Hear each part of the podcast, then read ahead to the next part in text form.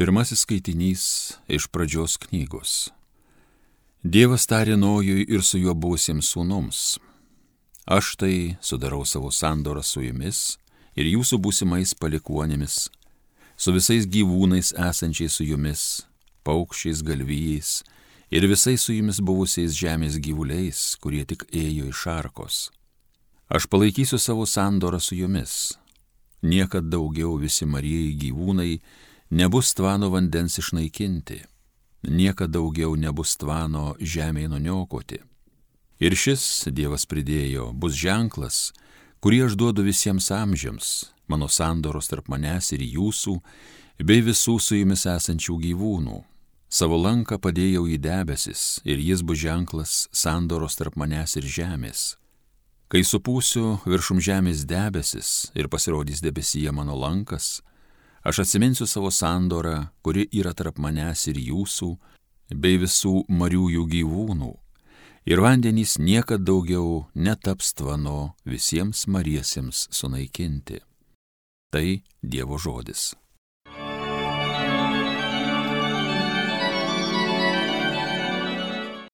Visi tavo viešpatie takai yra tiesa ir meilė ištikimoji tiems, kas tavo sandoros laikos. Parodyk viešpatie man savo kelią, mokyk mane takais tavo eiti, vesk savo tiesą, tu mane mokyk, nes esi Dievas, gelbėtojas mano. Visi tavo viešpatie takai yra tiesa ir meilė ištikimoji tiems, kas tavo sandoros laikos. Viešpatie neužmirš gailestingumo ir ištikimosios savo meilės, jie taip seni kaip laikas, Savo ištikimą meilę dėl savojo gerumo viešpatie mane atsiminkė. Visi tavo viešpatie takai yra tiesa ir meilė ištikimoji tiems, kas tavo sandoros laikos. Viešpats yra teisus ir geras, todėl sklystantiems kelią parodo, veda kukliuosius takais teisingais ir moko juos savo kelio. Visi tavo viešpatie takai yra tiesa ir meilė ištikimoji tiems, kas tavo sandoros laikos.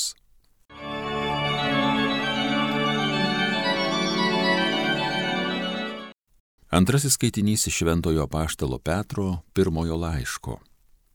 Mylimieji, Kristus vieną kartą numirė už nuodėmes, teisusis už neteisiuosius, kad mus nuvestų pas Dievą, beje kūnų numarintas, o dvasia atgaivintas. Jis tąją dvasę skelbė kalėjime esančioms dvasioms, kurios kadaise buvo neklusnios, kai nojaus dienomis Dievo kantrybė laukė, bestatant arką, kuria nedaugelis, tai yra aštuoni asmenys, buvo išgelbėti vandeniu. Ir jūs dabar gelbstė tų dalykų vaizdinys krikštas. Jis nėra nešvaraus kūno nuplovimas, bet Dievo maldavimas, suteikti gryną sąžinę dėl Jėzaus Kristaus prisikėlimo. Įžengęs į dangų, jis sėdi Dievo dešinėje, o jam yra pavaldus angelai ir valdžios ir galybės.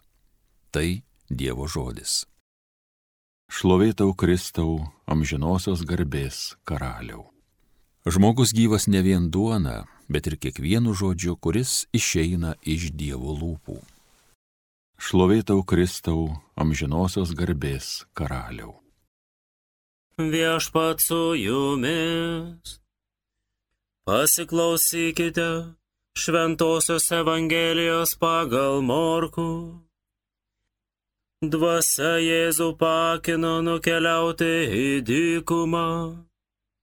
Jis praleido dykumoje keturiasdešimt dienų ir buvo šėtono gundomas buvojo kartu su žvėrėmis ir angelai jam tarnavo. Kai Jonas buvo suimtas, Jėzus sugrįžo į Galilėją ir ėmė skelbti gerąją Dievo naujieną. Atėjo metas, prisartino Dievo karalystė. Atsiverskite ir tikėkite Evangeliją girdėjote viešpatė žodį.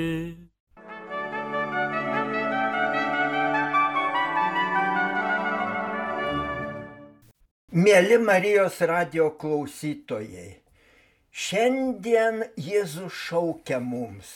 Atėjo metas, prisartino Dievo karalystė, atsiverskite ir tikėkite Evangeliją. Dievo karalystė yra Jėzaus Kristaus mokymo pagrindinis dalykas. Kasgi svarbiausia Dievo karalystėje? Dievo įsakymų laikymasis. Deja, tai visiškai svetima daugeliui politikų, biznierių, verslininkų. Jėzus Kristus liepia atsiversti, patikrinti save, ar mylime Dievą, ar laikomės jo įsakymų, ar mylime kiekvieną žmogų. Kaip to laikomės? Deja dažnai matome, kaip baisiai nesirūpina žmonės savo tikėjimu. Ir jie gyvena taip, tarsi Dievo nebūtų. Visai nekreipia dėmesio į dvasinius dalykus, į maldą. Todėl toks baisiai nuodimingas yra šiandienis pasaulis. Tik tada, jei žmogus gyvena pagal Dievo mokymą, laikydamasis Dievo įsakymų, jis daro gyvenimą gražesnį.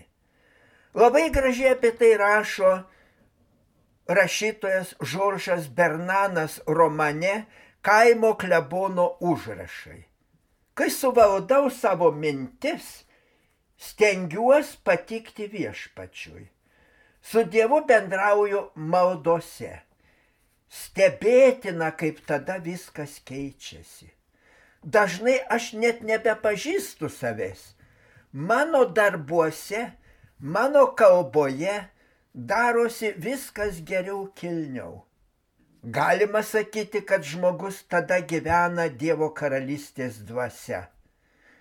Žmogaus dvasioje, jo mintyse ir darbuose tiesiog auga dieviškos vertybės jaučiame tada, kad mastome ir gyvename taip, kaip Dievas nori, pagal Dievo valią.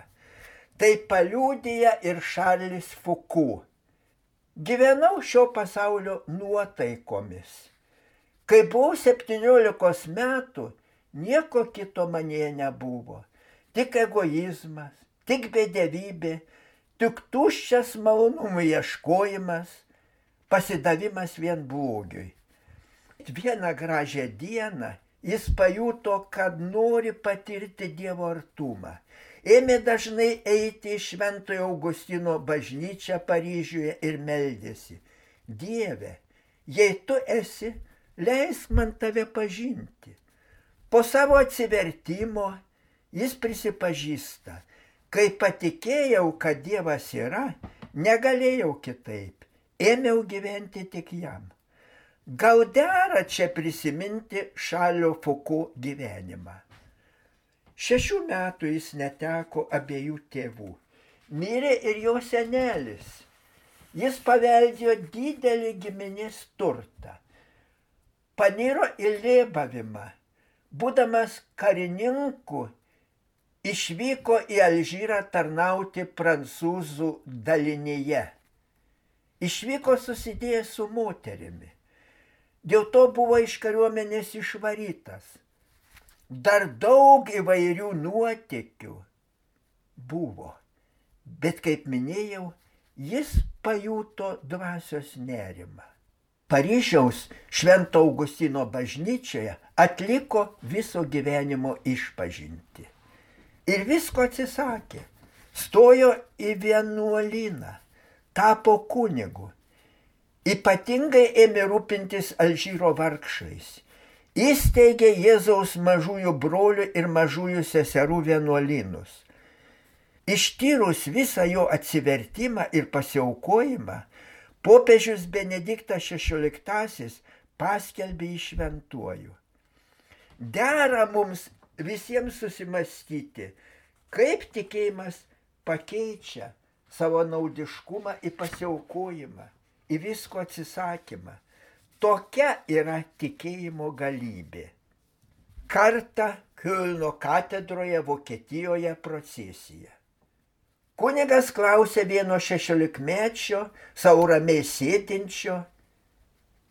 Klausė, kodėl jis nedalyvauja procesijoje? Atsakė jaunolio tėvas. Mano sunus prieš tris metus apako. O jaunuolis pridūrė, bet aš dėl to nesigailiu. Dievas mane apdovanojo. Supratau, tada supratau, kad vidinis regėjimas daug brangesnis už išorinį, už kūno akių regėjimą. Dabar turiu aukotis už daugelį dabartinio pasaulio aklųjų, kurie yra akli Dievui, gėriui.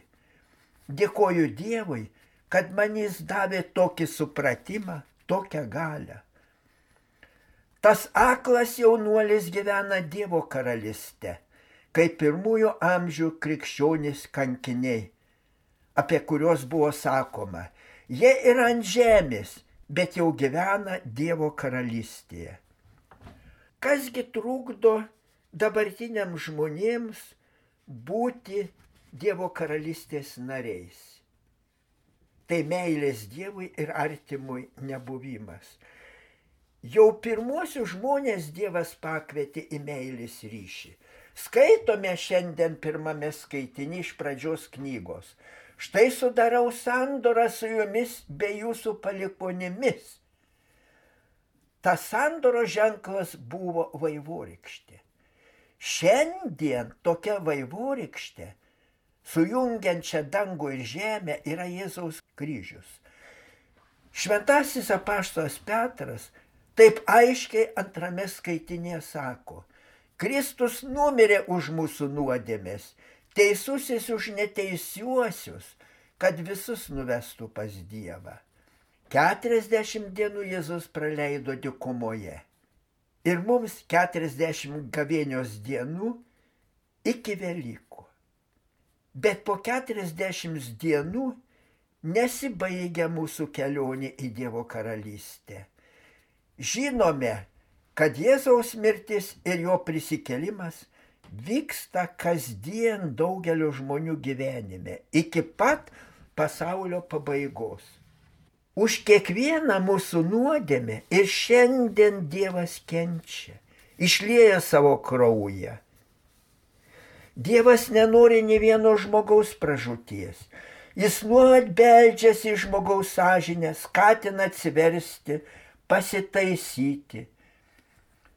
Jis visiems mums visų laikų žmonėms paliko gailestingumo sakramentą. Gaila, gaila, net baisu, kad daugelis žmonių tuo nepasinaudoja. Apakinti malonumų, jie nesirūpina savo dvasia. Jie nesusimasto, kad Jėzus Kristus gyveno, kentėjo ir mirė tik tam, kad mes su juo amžinai gyventume danguje. Dievas beldžiasi ir beldžiasi kiekvieno dvasę. Stebėtinai, dažnai stebėtinai jis priverčia žmogų susimastyti. Štai rašytoja Kristina Briukner pasakoja apie vieną moterį, išsiskyrusią, išėjusią pas kelintą vyrą. Ji atsitiktinai įėjo į Šventos Kolumbos bažnyčią Kilne adoracijos metu. Ji atsisėdo paskutinėme suole ir štai žmonės kalba tėve mūsų. Ji girdi, šalia stovinti mergaitė, gal kokios dvylikos metų, garsiai ir aiškiai kalba tą tėvę mūsų. Tik paskutinį sakinį sako labai keistai ir gelbėk nuo mūsų gyvenimo. Kodėl ta mergaitė tokio pat amžiaus kaip ir jos dukrelė taip melžiasi? Gelbėk mus nuo mūsų gyvenimo. Susimastė moteris. Norėjau jau klausti tos mergaitės, bet jai staiga nudegė širdį. O ar mano dukrelės nereikia gelbėti iš tokio gyvenimo, kokiame dabar gyvename? Ir raudodama, verkdama, moteris išėjo iš bažnyčios. Argi ne Dievas taip patvarkė, kad ji išgirstų mergaitės skausmą? Taip, Dievas visada trokšta mūsų atsivertimo. Jis beldžiasi ir beldžiasi mūsų sąžinę. Melskime, melskime, kad visi žmonės atsilieptų į Dievo beldimą. Amen.